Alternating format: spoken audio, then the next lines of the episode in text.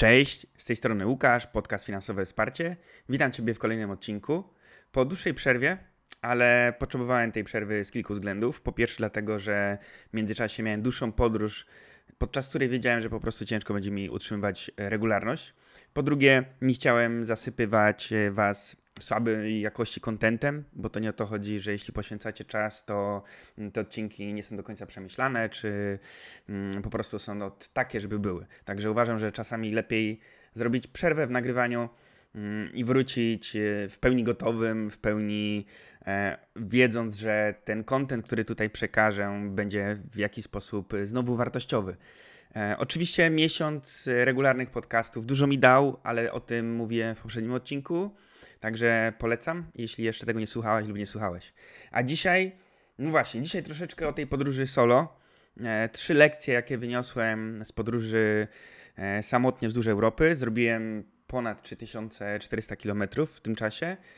I była to moja taka pierwsza w 100% długa solo podróż, ponieważ już wcześniej gdzieś tam się decydowałem, ale raczej to były na po, po Polsce bardziej podróże, ewentualnie Czechy nigdy nie odczuwałem jakby, żeby to była mm, aż taka długa faktycznie solo, solo podróż, mm, ale nauczyła mnie na pewno kilku bardzo fajnych rzeczy i rekomenduję. Powiem właśnie o tych lekcjach, powiem o plusach e, takiej podróży, ale też powiem o minusach. Ok, to żeby nie przedłużać, jakby lecimy. To, co najważniejsze e, w takiej podróży solo, dlaczego warto spróbować, to, że przede wszystkim nie musisz się dopasowywać. To znaczy, jeśli lubisz po prostu podróżować, albo jest miejsce, do którego chcesz jechać i aktualnie nie masz nikogo z rodziny, znajomych, kto tobie by towarzyszył, to po prostu czasami lepiej podjąć właśnie taką decyzję. E, skoro ty możesz, skoro środki ci na to pozwalają, skoro masz urlop, E, to po prostu nie być uzależnionym od tego, że nikt nie chce z tobą jechać. To jest po pierwsze. Mm, druga rzecz podczas takiej podróży solo, że robisz i zwiedzasz dokładnie to, co chcesz i kiedy chcesz. Nie musisz, tak jak już powiedziałem w tym pierwszym punkcie, w żaden sposób też się dopasowywać już w trakcie tej podróży. E, trzecia rzecz to przede wszystkim nie jest wstyd.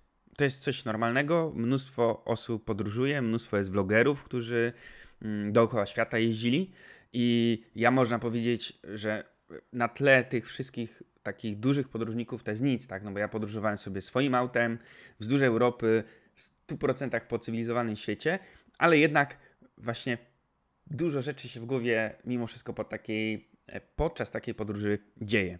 I teraz już mówię o tych trzech lekcjach, które ja wyciągnąłem z tej mojej podróży. Pierwsza rzecz to jest oczywiście generalnie szeroko pojęty rozwój osobisty. Czyli przede wszystkim budujesz pewność siebie. Tak? Bo musisz samemu podejmować decyzje. Co robić w danej sytuacji?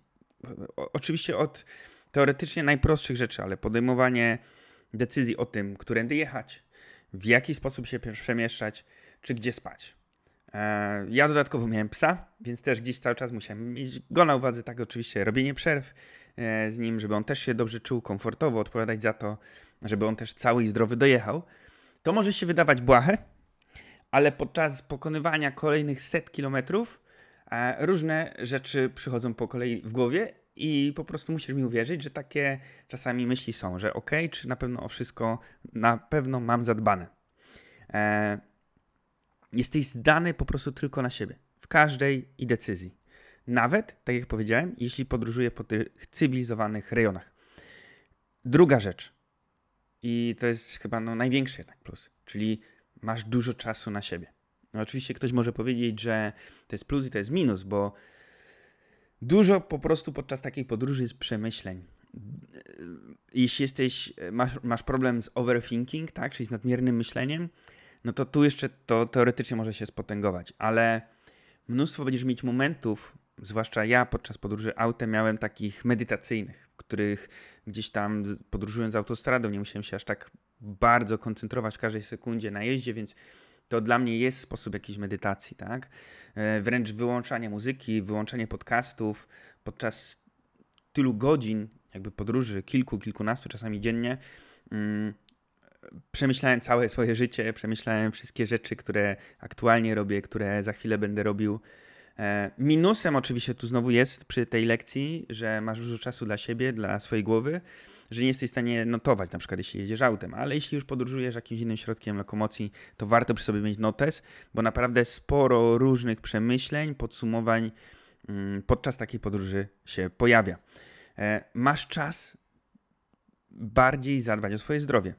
I oczywiście to psychiczne, tak, czyli pracowanie nad głową, medytację, odpoczynek, ale też fizyczne. Bo zobaczysz, że jeśli podróżując solo, mm, nagle się okazuje, że po prostu masz mniej rzeczy do zrobienia w dobie. Masz więcej czasu na regularny sen, właśnie na, na jakąś aktywność fizyczną, masz więcej czasu, żeby poczytać książkę. E, nagle się okazuje, że naprawdę ta doba jest całkiem spora. Zwłaszcza jeśli oczywiście nie musisz w tym czasie pracować, tak? Powiedzmy, jeśli pracujesz, to i tak okazuje się, że to skupienie na pracę na tyle ci pozwala, że jesteś w stanie w ciągu mniejszego okresu czasu zrobić więcej. I trzecia rzecz, łatwiej poznawać nowych ludzi. Jednak nawet jak się podróżuje w dwójkę, to to poznawanie ludzi e, nie jest aż tak łatwe jak solo, bo jesteśmy tak zamknięci w tych w dwójkę, tak? Czyli idziemy wszędzie w dwójkę.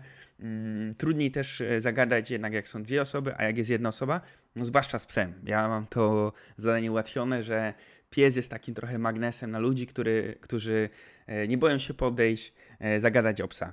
Mm, I to na pewno nie jest wstyd, tak? Czyli pójść gdzieś do restauracji, pójść gdzieś na plażę i tak dalej.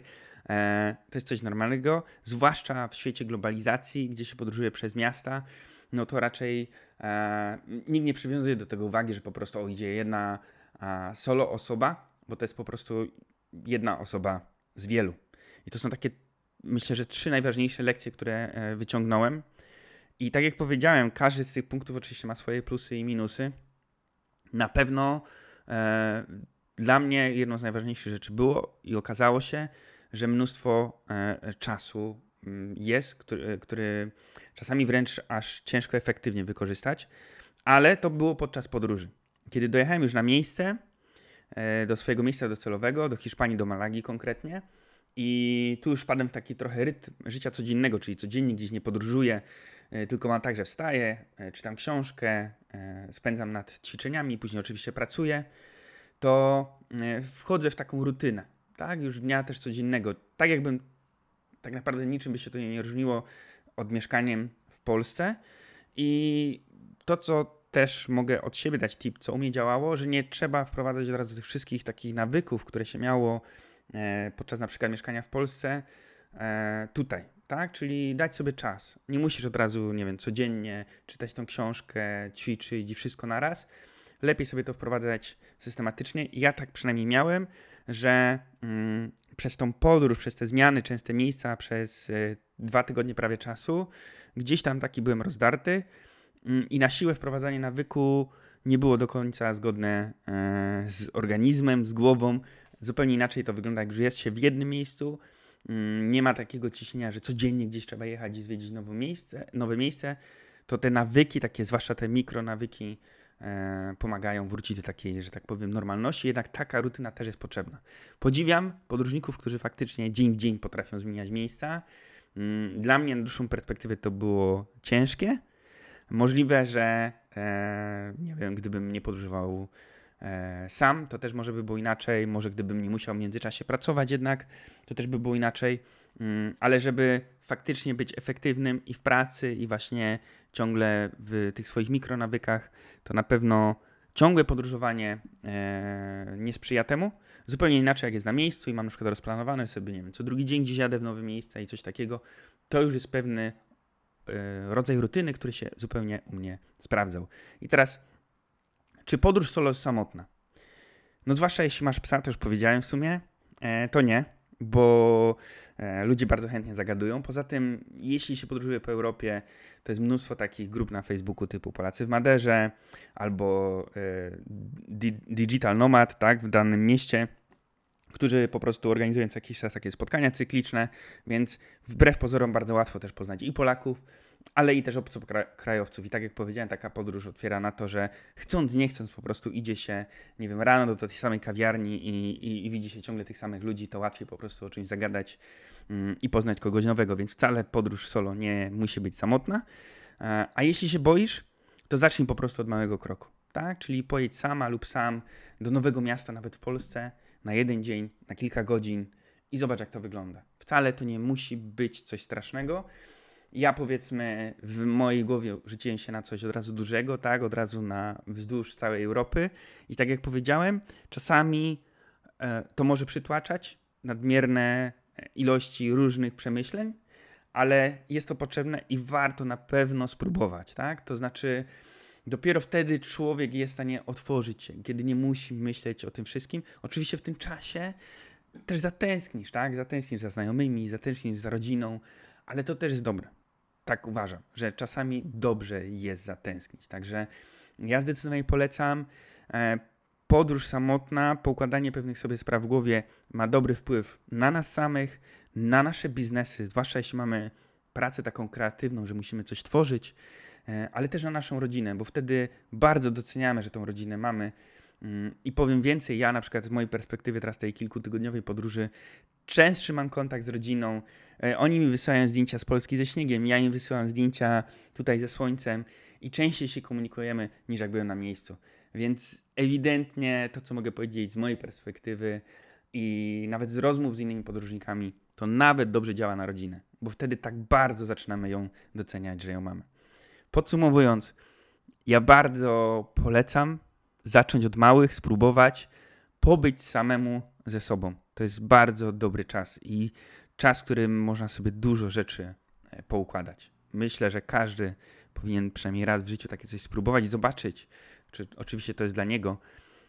I nawet będąc później nie singlem, tylko będąc w małżeństwie i tak dalej, może się okazać, że co jakiś czas będziesz potrzebować takiego, takiej godziny samotnej, może takiego dnia, może takiego weekendu. Dzięki za dzisiaj i do usłyszenia już w kolejnym odcinku.